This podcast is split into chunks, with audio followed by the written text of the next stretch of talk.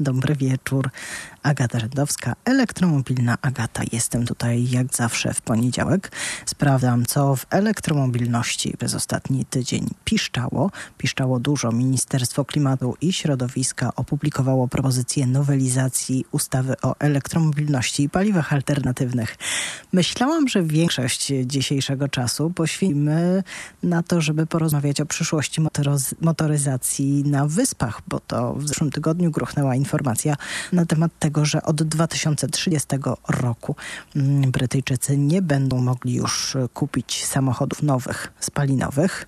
O tym oczywiście dzisiaj w szybkich wózkach Państwo usłyszą, jak to ma wyglądać, czemu ma się ta cała zmiana przysłużyć, ale w międzyczasie w piątek późnym popołudniem opublikowano właśnie te propozycje nowelizacji, no i trzeba to teraz rozebrać na czynniki pierwsze i sprawdzić, co tam się kryje w tych wszystkich przepisach, zapisach.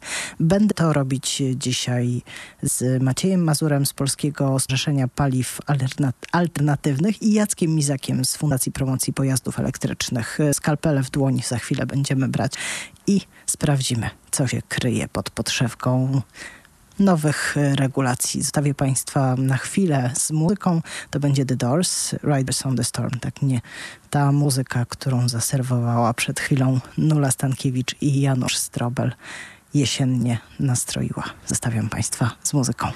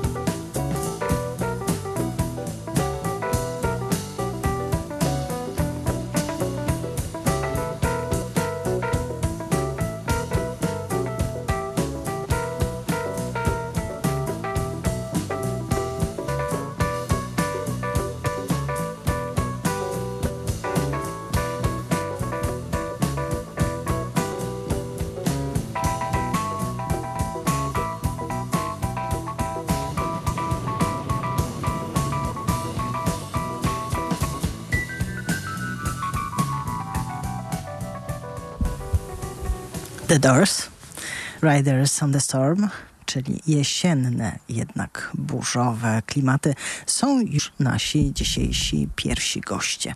Maciej Mazur, dobry wieczór. Dobry wieczór, witam serdecznie. Polskie Stowarzyszenie Paliw Alternatywnych oraz Jacek Mizak. Dobry wieczór. Dobry wieczór. Fundacja Promocji Pojazdów Elektrycznych.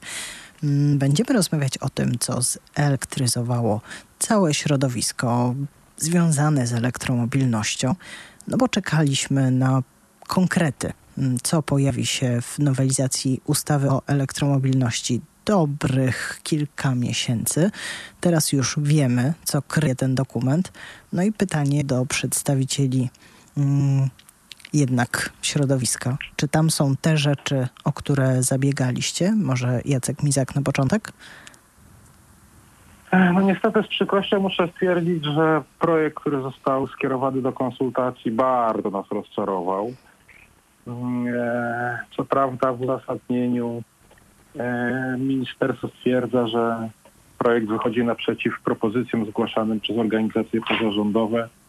Natomiast y, my tutaj współpracujemy w gronie kilku organizacji pozarządowych działających w transporcie i naprawdę jesteśmy bardzo rozczarowani tymi propozycjami, które nie rozwiązują żadnych, żadnych problemów dotychczasowych. Jest kilka pozytywnych zapisów, ale w większości oceniamy ten projekt bardzo negatywnie. Maciej Mazur? Na pewno jeszcze po, potrzeba czasu, żeby ocenić cały projekt e, kompleksowo, ale rzeczywiście na pewno są zapisy, E, których się nie spodziewaliśmy.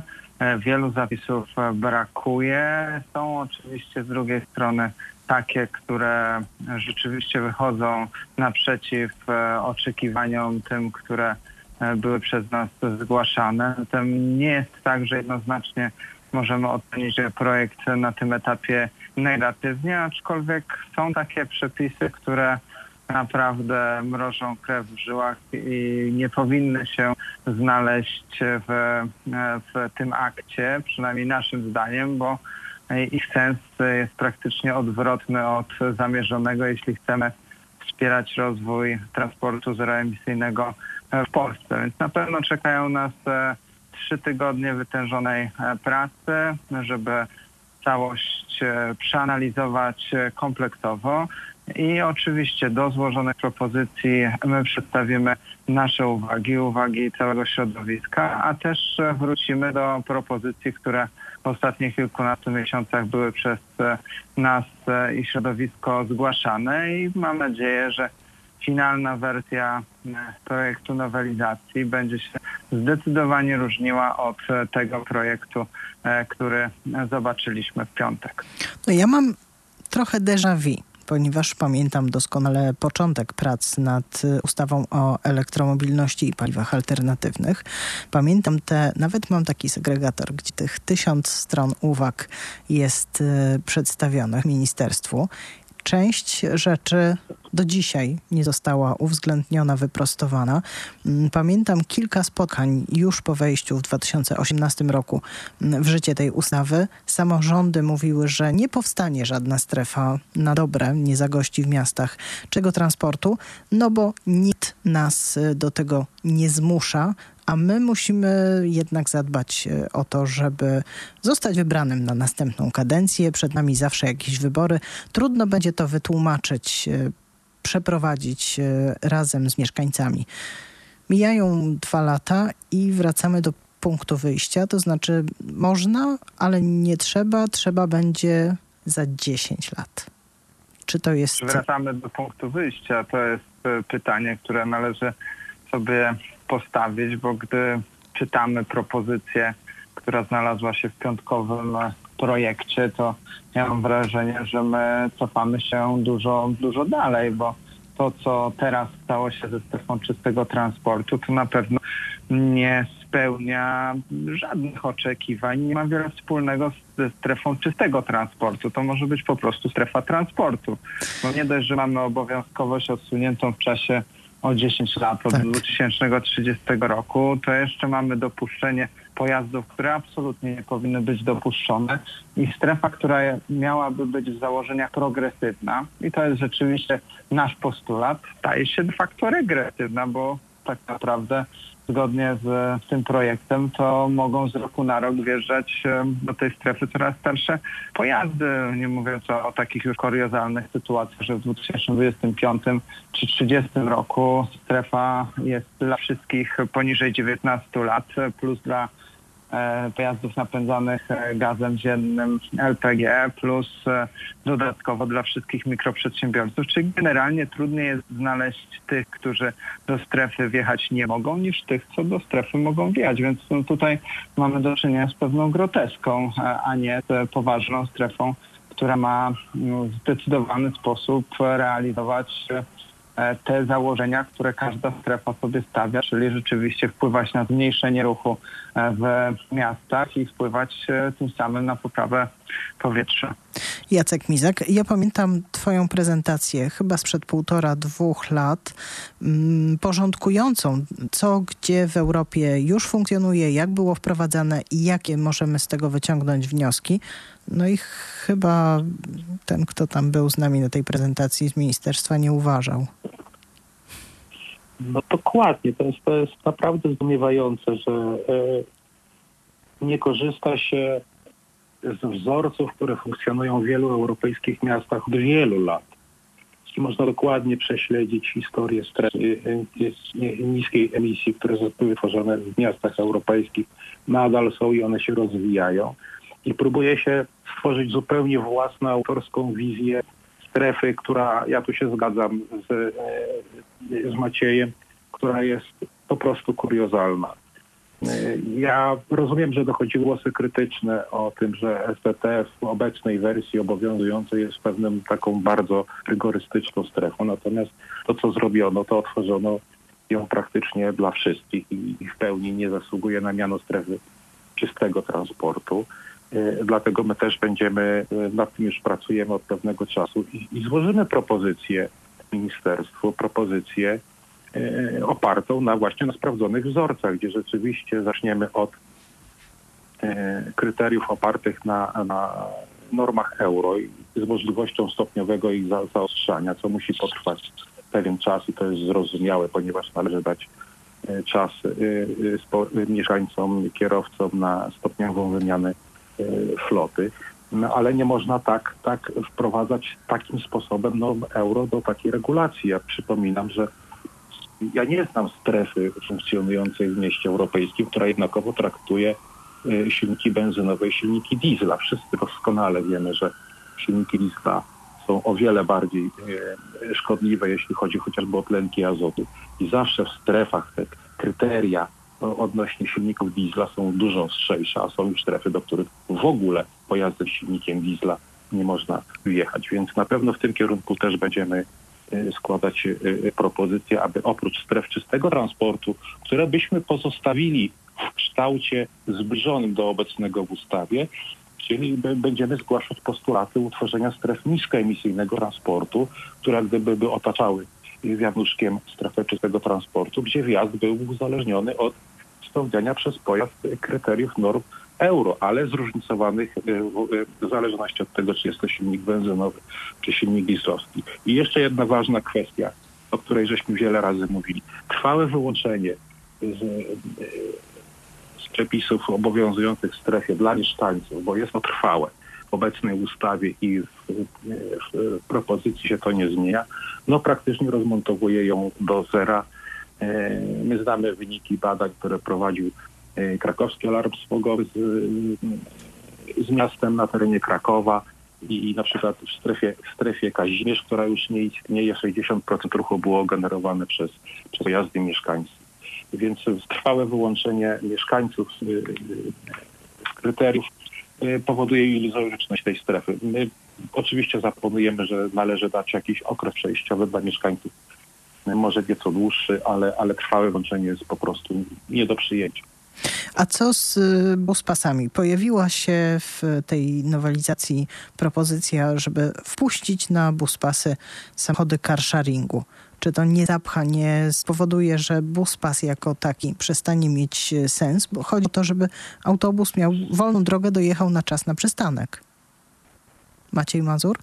Zdecydowanie należy na pewno wziąć to pod uwagę. My też nigdy nie byliśmy zwolennikami takiego zapisu. Uważamy, że pojazdy e, realizujące swoje zadania w, ramach współdzielonej mobilności powinny rzeczywiście korzystać z dodatkowych przywilejów, nawet jeśli nie są elektryczne, ale akurat ten przywilej zdecydowanie jest poza tym katalogiem. Nie widzimy uzasadnienia dla wprowadzania takiego zapisu. Tak e, dokładnie jest jak mówisz, że pierwszeństwo powinna mieć komunikacja zbiorowa na buspasie, a następnie naprawdę nieliczne grupy, e, które mogą z niego korzystać, powinny być e, też bardzo umiejętnie dobrane. Zdajemy sobie doskonale z tego sprawę, że samo, no, sama obecność samochodów elektrycznych, czystych elektryków na busach jest też e, tym przywilejem, który musi być ograniczony czasowo. To zresztą dzieje się choćby w tych państwach, które wprowadziły takie przepisy kilka lat temu, jak choćby w Norwegii. Już teraz jest dyskusja w wielu e, przypadkach e, skonkludowana wyłączeniem tych e, przywilejów e, dla, e, dla elektryków nawet. Zatem no tutaj wątpliwe jest bardzo mocno, żeby dopuszczać kolejne duże grupy do, do korzystania z boost aczkolwiek z perspektywy całości ustawy powiem szczerze, że jest to zapis, który gdzieś jest na pograniczu tych, które wydają się z punktu widzenia rozwoju samej elektromobilności w Polsce istotne, więc na pewno, na pewno więcej pracy będzie przy innych e, częściach tej ustawy, które wzbudzają czy to kontrowersje, czy wymagają na pewno doprecyzowania, żeby e, tutaj e, ten efekt zdynamizowania rynku, o który myślę, że wszyscy walczymy, mam nadzieję, łącznie z ustawodawcą, został spełniony. A co z ograniczeniem możliwości odpisu amortyzacyjnego mm, na samochody spalinowe. Wydaje mi się, że to jest y, odpowiedź na propozycję, którą miała Fundacja Promocji Pojazdów Elektrycznych, prawda Jacku? Tak, zgadza się. Jest to jeden z nielicznych pozytywnych y, elementów tej nowelizacji. My w swojej propozycji za, właśnie zaproponowaliśmy takie instrumenty fiskalne dla firm, jak, jak zmniejszenie odpisu amortyzacyjnego dla dla samochodów y, spalinowych. Oczywiście nie jest to pełna nasza propozycja. My proponowaliśmy stopniowe zmniejszanie tego odpisu w czasie, rozłożone na bodajże 10 lat. No ale jest to na pewno krok w dobrym kierunku, gdyż y, uatrakcyjnia y, samochód elektryczny dla, dla firm. To jest, to jest na pewno krok w dobrym kierunku. Natomiast dwa zdania odnośnie poprzedniego tematu. Y, w projekcie nie tylko wpuszczamy car sharing na bus pasy, co jest y, naszym zdaniem też budzi nasze mieszane uczucia, ale też zwalniamy ich z opłat za parkowanie w, w, w miejskich strefach płatnego parkowania, co też budzi nasze wątpliwości. No tak. Ja jeszcze dodam do kwestii podatkowych, bo to rzeczywiście byłby krok w dobrym kierunku, gdyby znowu nie odsunięcie czasie, bo jeśli mnie pamięć nie myli, to w projekcie nowelizacji niższa niższy odpis amortyzacyjny jest przesunięty w czasie na okres od 2026 roku, czyli znów mamy 6 lat, e, te kluczowe 6 lat, e, które teraz jest przed nami, bez tego dynamizatora w postaci narzędzi podatkowych, a nie jest e, tutaj żadną tajemnicą, że w tych państwach, w których elektromobilność rozwija się bardzo dynamicznie, to właśnie systemy podatkowe są tymi stymulantami rozwoju.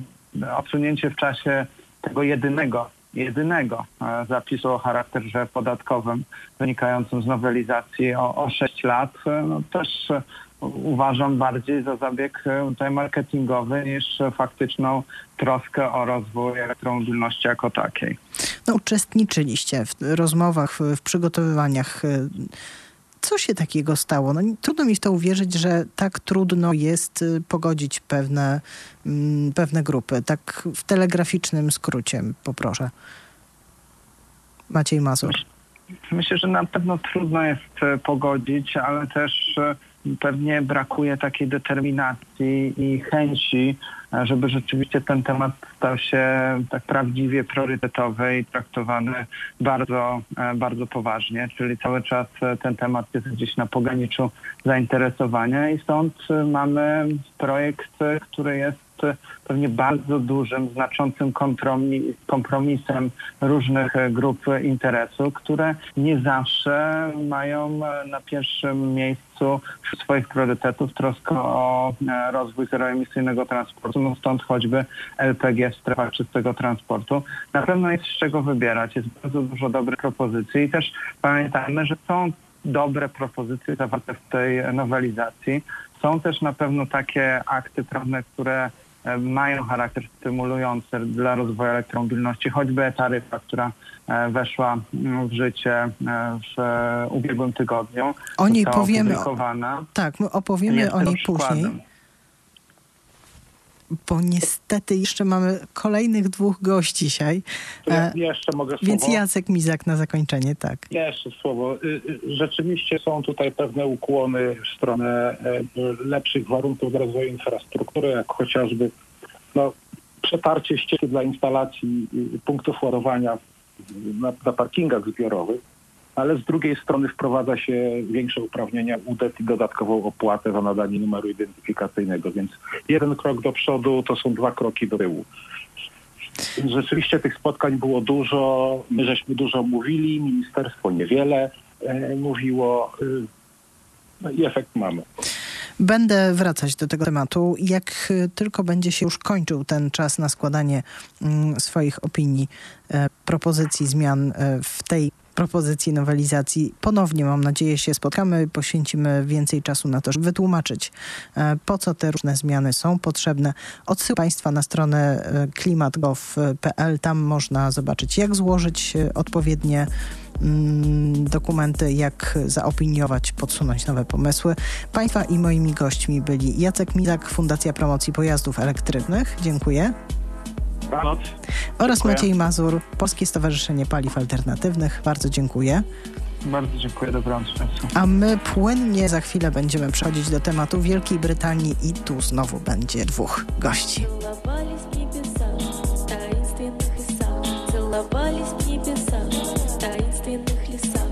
Целовались в небесах, в таинственных лесах.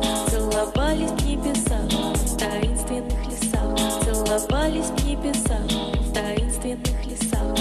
Целовались в небесах, в таинственных лесах. Целовались в небесах, в таинственных лесах. Целовались в небесах. Jesteśmy w szybkich wózkach i będziemy rozmawiać o tym, co zelektryzowało nas w zeszłym tygodniu, a mianowicie o tym, e, że Wielka Brytania zakazuje już niebawem, za 10 lat, e, sprzedaży nowych samochodów spalinowych. 5 lat później nie będzie można już kupić nowych hybryd, ani plug-in, ani zwykłych. Jest e, z Państwem i ze mną Jakub Faryś, prezes Polskiego Związku Przemysłu Motoryzacyjnego. Dobry wieczór. Dobry wieczór. Co pan na tę zmianę? E, Rozmawiamy ze sobą w różnych sytuacjach. e, W tym roku trochę rzadziej się widujemy. Zazwyczaj konferencyjnie się widywaliśmy i rozmawialiśmy o tym, że motoryzacja nieubłaganie przechodzi transformację. Ja jestem chyba trochę większą optymistką. Może dlatego, że nie pracuję tak długo w tej branży jak pan i nie znam od podszewki wielu historii. Mm, To jest bardzo radykalny krok. Co on oznacza dla branży? Tak, e, mm, to prawda, że motoryzacja w tej chwili jest e, w momencie bardzo przełomowym. e, Zmienia się bardzo szybko, ale też to, o czym pani Radka to wspomniała, ten pewien mm, sceptycyzm wynika z jednej rzeczy. Zaczyna nam się troszeczkę jawić taki obraz, że będziemy mieli do czynienia przynajmniej w Europie, a w ogóle na świecie też z kilkoma prędkościami, bo to takie modne y, ostatnimi czasy powiedzenie, jeżeli chodzi o rozwój elektromobilności. Bo ten program, o którym my teraz rozmawiamy, ten program, który został e, kilka dni temu ogłoszony przez e, pana premiera Johnsona, jest, co przede wszystkim warto podkreślić, jest programem kompleksowym. Oczywiście na czołówki wychodzi ten, e, ta informacja, że będzie zakaz e, rejestrowania samochodów spalinowych, bo powiedzmy, że to nie będzie zakaz rejestrowania w ogóle samochodów spalinowych, tylko nowych samochodów spalinowych, a potem odpowiednio 5 lat później również hybryd. Ale mm, trzeba podkreślić, że to jest fragment bardzo dużego programu, który nazywa się Zielona Rewolucja Przemysłowa i który ma z Wielkiej Brytanii uczynić lidera w zakresie po pierwsze zmian na tym rynku, ale też e, po drugie ma uczynić z Wielkiej Brytanii kraj, który mm, przewodzi no, w pewien sposób tej, tej, tej rewolucji, tej zmiany.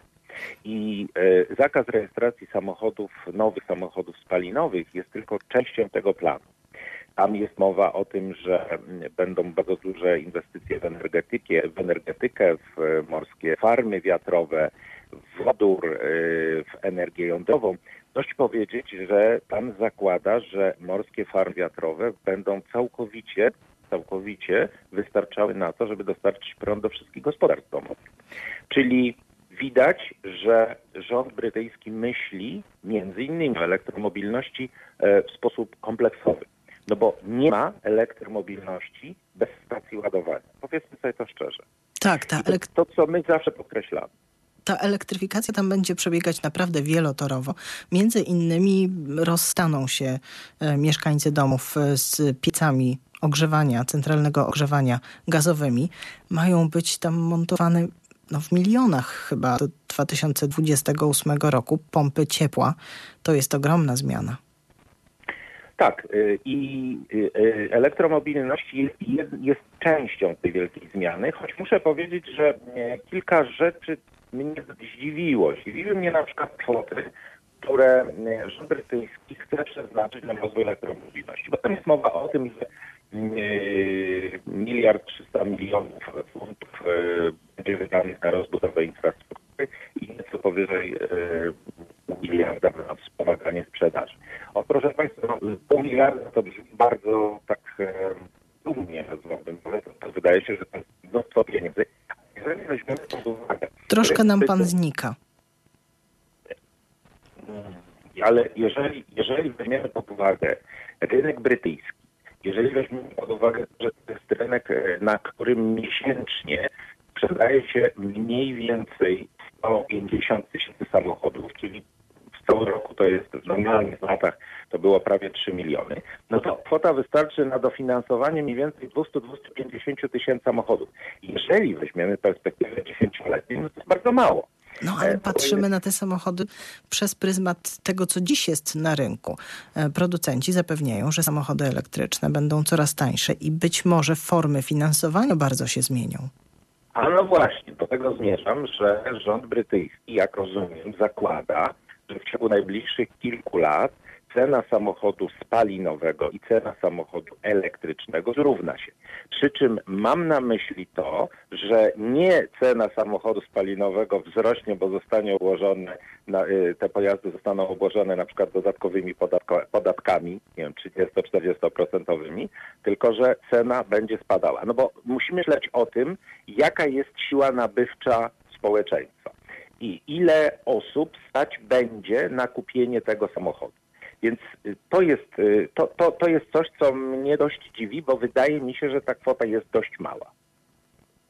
No, będę o to pytać. Mam nadzieję, uda mi się uzyskać komentarz e, z ambasady Wielkiej Brytanii, dowiedzieć się, czy w ogóle dialog z producentami, którzy stanowią ogromną mm, siłę dla gospodarki Wielkiej Brytanii, byli brani pod uwagę. Był, były jakieś wewnętrzne rozmowy.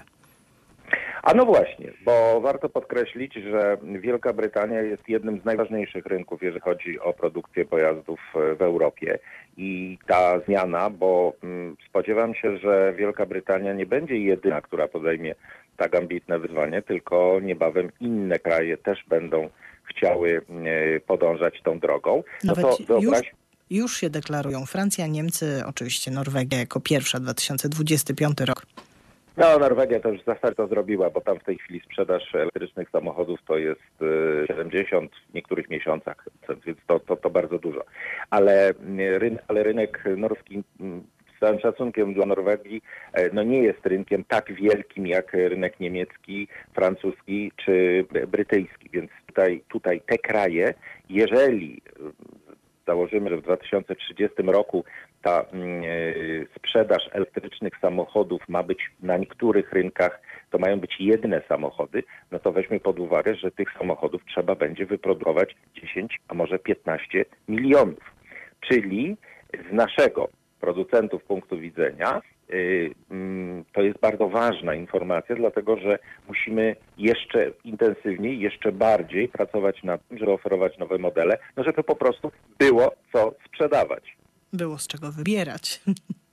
I z punktu widzenia klienta oczywiście tak, żeby było z czego wybierać.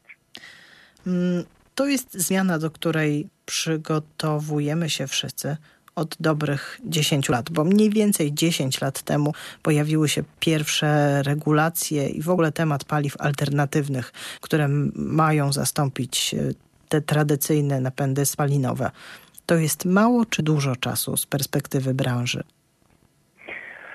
Patrząc na cykl życia pojazdu, patrząc na pieniądze, które trzeba zainwestować, to to jest mało czasu. To jest nawet y, bardzo mało czasu, bo mm, przypomnę Państwu, że branża motoryzacyjna jest branżą, która inwestuje co roku y, mniej więcej 60 miliardów euro w badania i rozwój, europejska branża. No i to są pieniądze, które no, gdzieś trzeba zarobić. E, Mamy rok 2020, spadek e, przewidujemy, że średni spadek w Europie będzie mniej więcej 30%. W Polsce podobnie, no, czyli to y, oznacza, że nie, zostały, nie zostało sprzedanych 3, 4, może 5 milionów samochodów, w tym, czy nie zostanie sprzedanych 3, 4, może 5 milionów y, samochodów w tym roku. Czyli to oznacza, że zarobiliśmy dużo mniej pieniędzy. E, To oznacza, że mamy przez to mniej pieniędzy na inwestycje, a elektromobilność w ogóle paliwa alternatywne, bo na ogół my mówimy o tej elektromobilności jako takim sztandarowym e, pomyśle na inne paliwa niż e, olej napędowy czy benzyna, ale nie zapominajmy, że mamy jeszcze e, hybrydy, hybrydy plug-in, które co prawda w 2035 roku w Wielkiej Brytanii będą, będą zakazane, ale ja nie, tak nie do końca bym przywiązywał się do tych terminów, dlatego że ja myślę, że to jest pewien, po- postawienie pewnego celu. Postawienie pewnego mm, punktu granicznego. Natomiast e, rząd brytyjski będzie obserwował sytuację na rynku i w razie czego te terminy mogą być przesunięte. E, Być może będą przyspieszone, chociaż nie sądzę, ale jeżeli okaże się, że z jakiegokolwiek powodu e, są kłopoty ze spełnieniem tego, no to pewnie będzie przesunięte. Natomiast to, co jest istotne, to istotne jest to, że tak jak powiedziałem, my musimy jako branża zainwestować bardzo dużo pieniędzy, musimy mm, na tych elektrycznych samochodach też zarabiać, no bo jeżeli skala sprzedaży y, wzrośnie i to będzie już nie kilka procent jak w tej chwili w Europie, tylko to będzie, uśredniając oczywiście, tylko to będzie 20, 30 czy 40, no to y, logiczne jest, że, że trzeba będzie na tych samochodach zarabiać tak samo jak dzisiaj na spalinowych. Carlos Tavares, czyli dyrektor generalny PSA, całkiem niedawno powiedział, że rozwój napędów alternatywnych to są bardzo wysokie koszty. No i w związku z tym zadeklarował, że jako grupa PSA nie będzie już y, w przyszłości inwestować ani w diesle, ani w benzynę. Skupi się właśnie na tym, co oferuje napęd alternatywny. No to jest e, e, moment, kiedy wielkie koncerny muszą podjąć decyzję strategiczną, w którą stronę idą, bo przypomnijmy jeszcze jednej rzeczy. E, To, co powiedziałem na początku, kiedyś e, będziemy mieli do czynienia z taką sytuacją, że pewne kraje czy pewne kontynenty będą zdecydowanie bardziej e, mm, zaangażowane w temat elektromobilności czy alternatywnych pary, paliw, inne kontynenty, chociażby z powodów technicznych, jak Afryka. No, tam naprawdę zbudowanie dobrej sieci ładowania samochodów elektrycznych jest bardzo trudne. Będą nieco, nieco z tyłu, więc myślę, że jeszcze przez wiele lat e, klasyczny napęd, czyli silnik diesla czy silnik e, benzynowy, będzie obecny na rynku. I e, myślę, że w tej chwili trwają bardzo intensywne prace, bo podjęcie decyzji o całkowitym wycofaniu się z prac nad rozwojem silników spalinowych no, może kosztować pewnych producentów utratę na tych rynkach, które jeszcze przez najbliższe 10, 15 czy 20 czy nawet więcej lat będą rynkami co do zasady, na których będą się sprzedawały przede wszystkim sam, samochody e, silnikami spalinowymi. Powiadam, nie mam na, na myśli rynków europejskich czy rynku amerykańskiego, ale, ale mm, na przykład na przykład niektóre rynki afrykańskie czy y, azjatyckie. Oczywiście nie myślę o Chinach czy, czy, czy Indiach. Ale y, to jest oczywiście w tej chwili bardzo, bardzo ważne. No i może jeszcze jedna uwaga na tym tle, y, mianowicie gdzie jesteśmy my jako Polska. No właśnie. A no właśnie, no y, to co się dzieje mm, w innych krajach będzie miało z całą pewnością y, bardzo duże znaczenie dla rynku polskiego, a przede wszystkim obawiam się tego, że do nas będą przyjeżdżały te samochody, które tam będą e, wycofywane. Czyli już nie tylko Ej. Niemiec będzie płakał, jak będzie sprzedawał ze szczęścia, ale i Belg, Francuz, a nawet Brytyjczyk. No Brytyjczyk może mniej, dlatego że, dlatego, że e, mimo naszych obaw, że jak zostaną e, zmienione przepisy ruchu drogowego w Polsce, prawo o ruchu drogowym, mam na myśli możliwość rejestrowania samochodów z kierownicą po tej drugiej, nie, nie kontynentalnej stronie, no to e, tych samochodów będzie bardzo dużo, ale okazało się, że jednak e, większość Polaków nie chciała sprowadzić takiego samochodu. Tych samochodów jest ciągle bardzo mało i na całe szczęście, bo ja uważam, że jazda takim samochodem wymaga bardzo, bardzo dużych umiejętności i może być niebezpieczna. Więc e, może ten rynek brytyjski dla nas nie jest e, tak groźny, jeżeli chodzi o, o, o mm, napływ tych e, używanych samochodów. Myślę, że bardziej Irlandia tutaj będzie w kłopocie. No ale wszystkie pozostałe kraje kontynentalne, czyli Niemcy, Francja, Belgia, Hiszpania, Włochy, jeżeli, jeżeli tam zostaną wprowadzone tak restrykcyjne przepisy, no to do Polski te samochody będą napływały. Bo pamiętajmy o tym, że Polska jest rynkiem, na którym od lat proporcja jest mniej więcej stała, czyli jedna trzecia sprzedaży to są, czyli nowych rejestracji, to są samochody nowe, fabrycznie nowe, a dwie trzecie, czyli na ogół mniej więcej milion pojazdów, to są samochody używane. Teraz dlaczego? Na, y, niestety, niestety średni wiek pojazdu y, się zwiększa, więc to jest, to jest niedobry sygnał. Choć trzeba powiedzieć, że w ostatnim okresie, w ostatnich dwóch latach y, wzrosła ilość samochodów stosunkowo nowych, czyli takich do 4 lat. To, to, to cieszy, bo to znaczy, że więcej osób sprowadza samochody 3-4 przede wszystkim letnie. No ale co to oznacza dla Polski? My ciągle nie mamy takiego e, planu, no właśnie takiego planu, jaki wprowadza Wielka Brytania, czyli ta e, elektromobilność jest taka, powiedziałbym, wyrywkowa. Na papierze. No, na razie, na razie ilość samochodów e, elektrycznych, które jeżdżą po polskich drogach, no nie jest porażająca. Znacznie lepiej radzą sobie hybry- hybrydy czy hybrydy plug-in, bo mm, jeżeli weźmiemy pod uwagę nowe rejestracje w Polsce samochodów e, fabrycznie nowych, ale też używanych, to mniej więcej połowa to są bateryjne, a połowa to są e, hybrydy plug-in. Czyli to oznacza, że spora część polskich klientów, tych, którzy chcą kupić ten e, nowy samochód, nowy w rozumieniu rodzaju napędu, e, wybiera pojazd, który łączy,1łączy cechy samochodu elektrycznego, no bo jeżeli jeździmy w mieście, a większość z nas w mieście pokonuje mniej więcej 30-40 km dziennie, taka jest średnia europejska, więc myślę, że w Polsce jest podobnie, y, to jeżdżąc w mieście i ładując ten samochód, w praktyce w 100% jeździmy samochodem elektrycznym. Jeżeli weźmiemy pod uwagę y, to, że hybryda plug-in ma y, możliwość przejścia w tryb y, spalinowy, no to jest to pojazd, którym zupełnie komfortowo możemy porównać, poruszać się zarówno w mieście, jak i na bardzo dalekich trasach, przy czym w mieście w trybie elektrycznym, w, poza miastem w trybie spalinowym. Oczywiście cały czas powtarzam, jeżeli jesteśmy zdyscyplinowani i ładujemy ten samochód, No, a nie jeździmy cały czas na, na, na, na, na paliwie. A nie jeszcze doładowujemy, mamy generator e, na pokładzie samochodu, e, który doładowuje nam te baterie, bo to w trasie. No tak, ale wtedy używa, no tak, ale wtedy, ale wtedy e, pracuje silnik spalinowy, w związku z czym e, per saldo, per saldo no nie poruszamy się w trybie elektrycznym, bo można powiedzieć, że w trybie elektrycznym, czysto elektrycznym poruszamy się tylko wtedy, kiedy e, ładujemy z e, przysłowiowego gniazdka. No, bardzo chętnie inspirowaliśmy się do tej pory tymi rozwiązaniami, które były w Wielkiej Brytanii. Mam nadzieję, że e, to oznacza też e, bardziej zdecydowane kroki i w takim kierunku dopłat, e, wsparcia dla rozwoju elektromobilności, ale i infrastruktury. Bardzo dziękuję za to spotkanie Państwa i moim Dziękuję gościem pięknie. był Jakub Faryś, e, Polski Związek Przemysłu Motoryzacyjnego. Dziękuję, dobranoc Państwu. Szanowni Państwo, jest już grubo po 22. Temat e, tego, jak będą unikać samochody, elektry- samochody spalinowe e, i zastąpią je samochody elektryczne w Wielkiej Brytanii, dominuje dzisiaj w szybkich wózkach.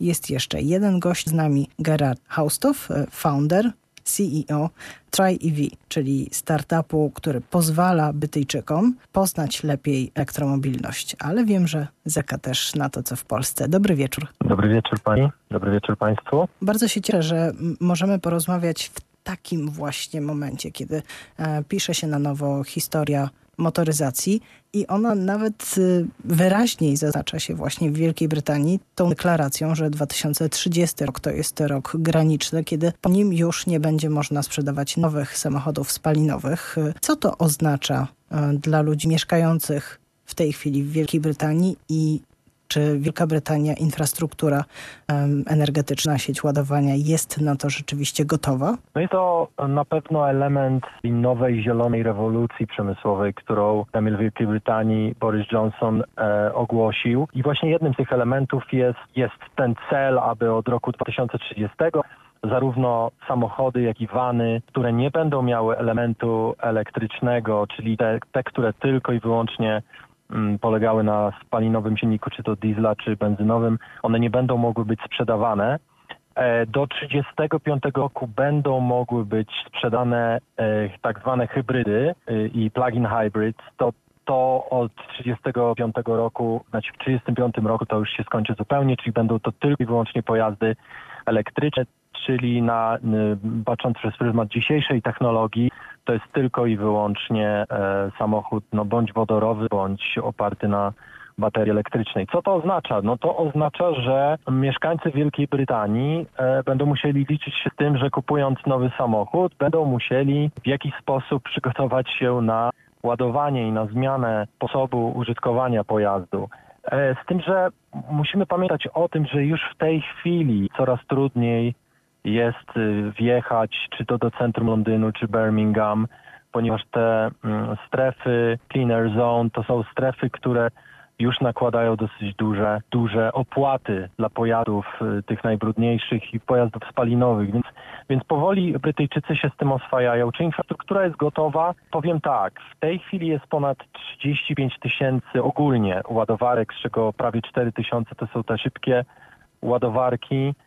E, na pewno tak, i, ale żeby ten cel być spełniony, to pewno rozbudowa tej sieci e, ładowarek będzie musiała być kontynuowana i oczywiście obecna infrastruktura nie jest w stanie tego zapewnić, ale mówimy tu o roku 2030-2035. Rozmawialiśmy chyba w lipcu tego roku i wydźwięk tej rozmowy nie był ani z mojej strony, ani z pana strony szczególnie pozytywny, chociaż te wartości no, są diametralnie różne. Ja narzekałam na infrastrukturę do ładowania i pan wtedy też narzekał. Tak, no można powiedzieć, że te liczby tych e, stacji e, ładowania są dosyć imponujące, ale trzeba pamiętać, że one nie są rozłożone proporcjonalnie i na przykład wiele razy spotykam się z tym, kiedy tutaj w Wielkiej Brytanii dosyć modna jest y, konwalia, to taki kierunek podczas wakacji obierany przez Brytyjczyków,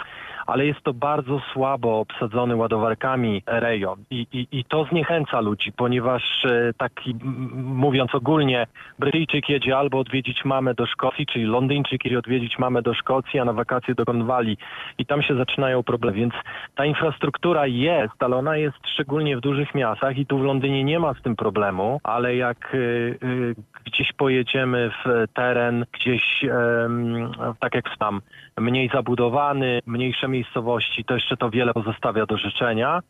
E, No ale optymizm jest. Jest optymizm też ze strony zarządzających siecią energetyczną Wielkiej Brytanii, e, K-Grid, i oni wielokrotnie podkreślają, że jeżeli chodzi o wytrzymałość sieci, e, to z tym nie będzie problemu. Czyli odpowiadając na Pani pytanie, jak najbardziej musimy po prostu pracować nad rozwojem tej sieci ładowarek, ale również mądrym rozwojem. I tu też są różne dyskusje, czy to robić i jak to robić, czy to opierać na takich hubach przypominających nieco stacje benzynowe, te EV hubs, gdzie można podjechać i takie powstają notabene tutaj w Wielkiej Brytanii, czy robić to e, troszkę inaczej. I tutaj też technologia i rozwój technologiczny w najbliższych latach odpowie na to pytanie.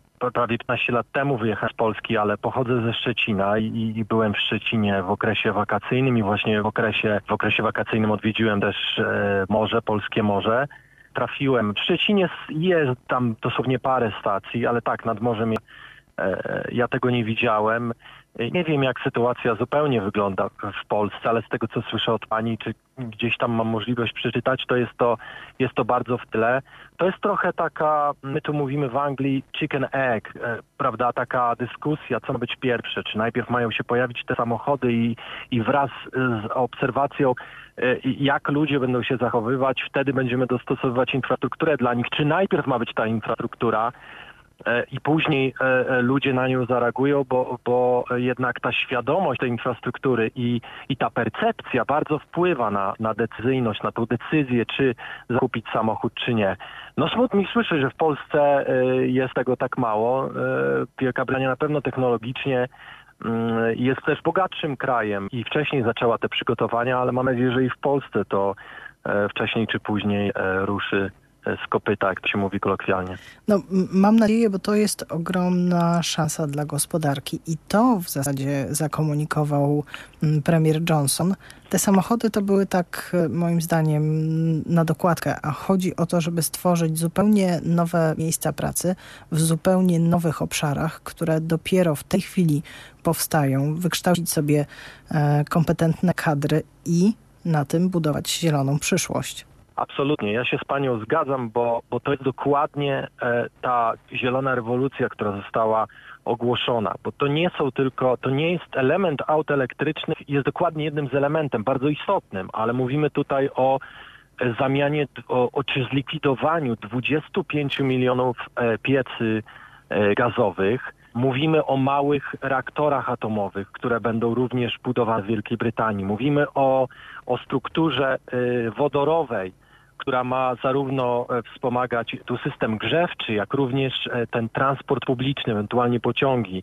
I to, co pani powiedziała, to jest ogromna szansa dla, e, czy nawet wiatrowe, jeszcze mm, tutaj dodam wiatrowe farmy. Mhm. Tak, to wszystko jest szansą na odbicie się. W ogóle jest takie podejście tutaj w Wielkiej Brytanii, że tym, e, tą największą szansą, żeby odbić się z tego potężnego kryzysu, który e, ze sobą przyniósł koronawirus, jest właśnie zielona rewolucja. E, I to jest też ogromna, ogromna tutaj odpowiedzialność po stronie zarówno rządzących, jak i wszystkich osób, które w tym biorą udział, aby, aby to się udało, bo to stworzy miejsca pracy, to stworzy ale przede wszystkim e, to będzie ratowało klimat, bo to jest najważniejsze w tym wszystkim. Pompy ciepła, e, które będą instalowane, właśnie auta elektryczne, wiatraki, tak, kolokwialnie w Polsce na, chyba tak się mówi na, tak. na, na, na, na te źródło wodór, no to wszystko przyniesie, tylko znowuż jest pytanie i tu szczególnie od opozycji brytyjskiej, w jaki sposób, że okej, okay, mamy te punkty, mamy ten cel, jest on szczytny, jest on na pewno godny e, wspierania, e, ale gdzie jest ten e, roadmap, jak mamy do tego dojść? E, no i to nie będzie łatwe na pewno. No, powiedziano A, mam nadzieję, że B usłyszymy całkiem niedługo. No i będziemy się tutaj z Polski przyglądać, bo akurat Wielka Brytania wielokrotnie była dawana jako przykład, dobry przykład właśnie pojawiania się stref czystego transportu, rozrastania się tych stref i rozrastania się też oczekiwań e, lokalnych e, mieszkańców, którzy zobaczyli, jak można funkcjonować bez samochodu na co dzień, ponieważ zapewniono im inne środki transportu, e, otwarto przestrzeń do tego, żeby się poruszać pieszo czy jeździć rowerami. Będziemy się na pewno przyglądać. E, bardzo dziękuję za to spotkanie Państwa i moim gościem był Gerard Haustow, e, founder, CEO TryEV, czyli takiego startupu, który pozwala Brytyjczykom zapoznać się bliżej z elektromobilnością. Bardzo dziękuję Pani i dobranoc e, Państwu. Dziękuję. Na samo zakończenie telegraficznym skrócie powstała organizacja ZETA. ZETA 2030 ma spowodować, że Ameryka też przesiądzie się na samochody elektryczne. Koniec z dominacją lobby spalinowego. E, Cóż, cóż jeszcze ciekawego? Ano jeszcze raz General Motors wchodzi do gry o samochody elektryczne. Gruba kasa się szykuje i koniec produkcji samochodów spalinowych. Dzisiaj naprawdę króciutko. Bardzo dziękuję za to spotkanie. Za chwilę Damian Gadomski Wiadomości. Dziękuję Jackowi Kosińskiemu, który wrócił do nas wypoczęty. Wydawała Ola Głogowska, Agata Rzędowska. Po tej stronie słyszę się z Państwem jutro w południu z Animuszem. W środę też i w czwartek i w piątek w momencie obrotowym. Bardzo dziękuję za to spotkanie. Polecam Państwu nasze podcasty na rdc.pl, jeśli chcieliby Państwo sobie przypomnieć, co tutaj się ciekawego omawiało. Do usłyszenia.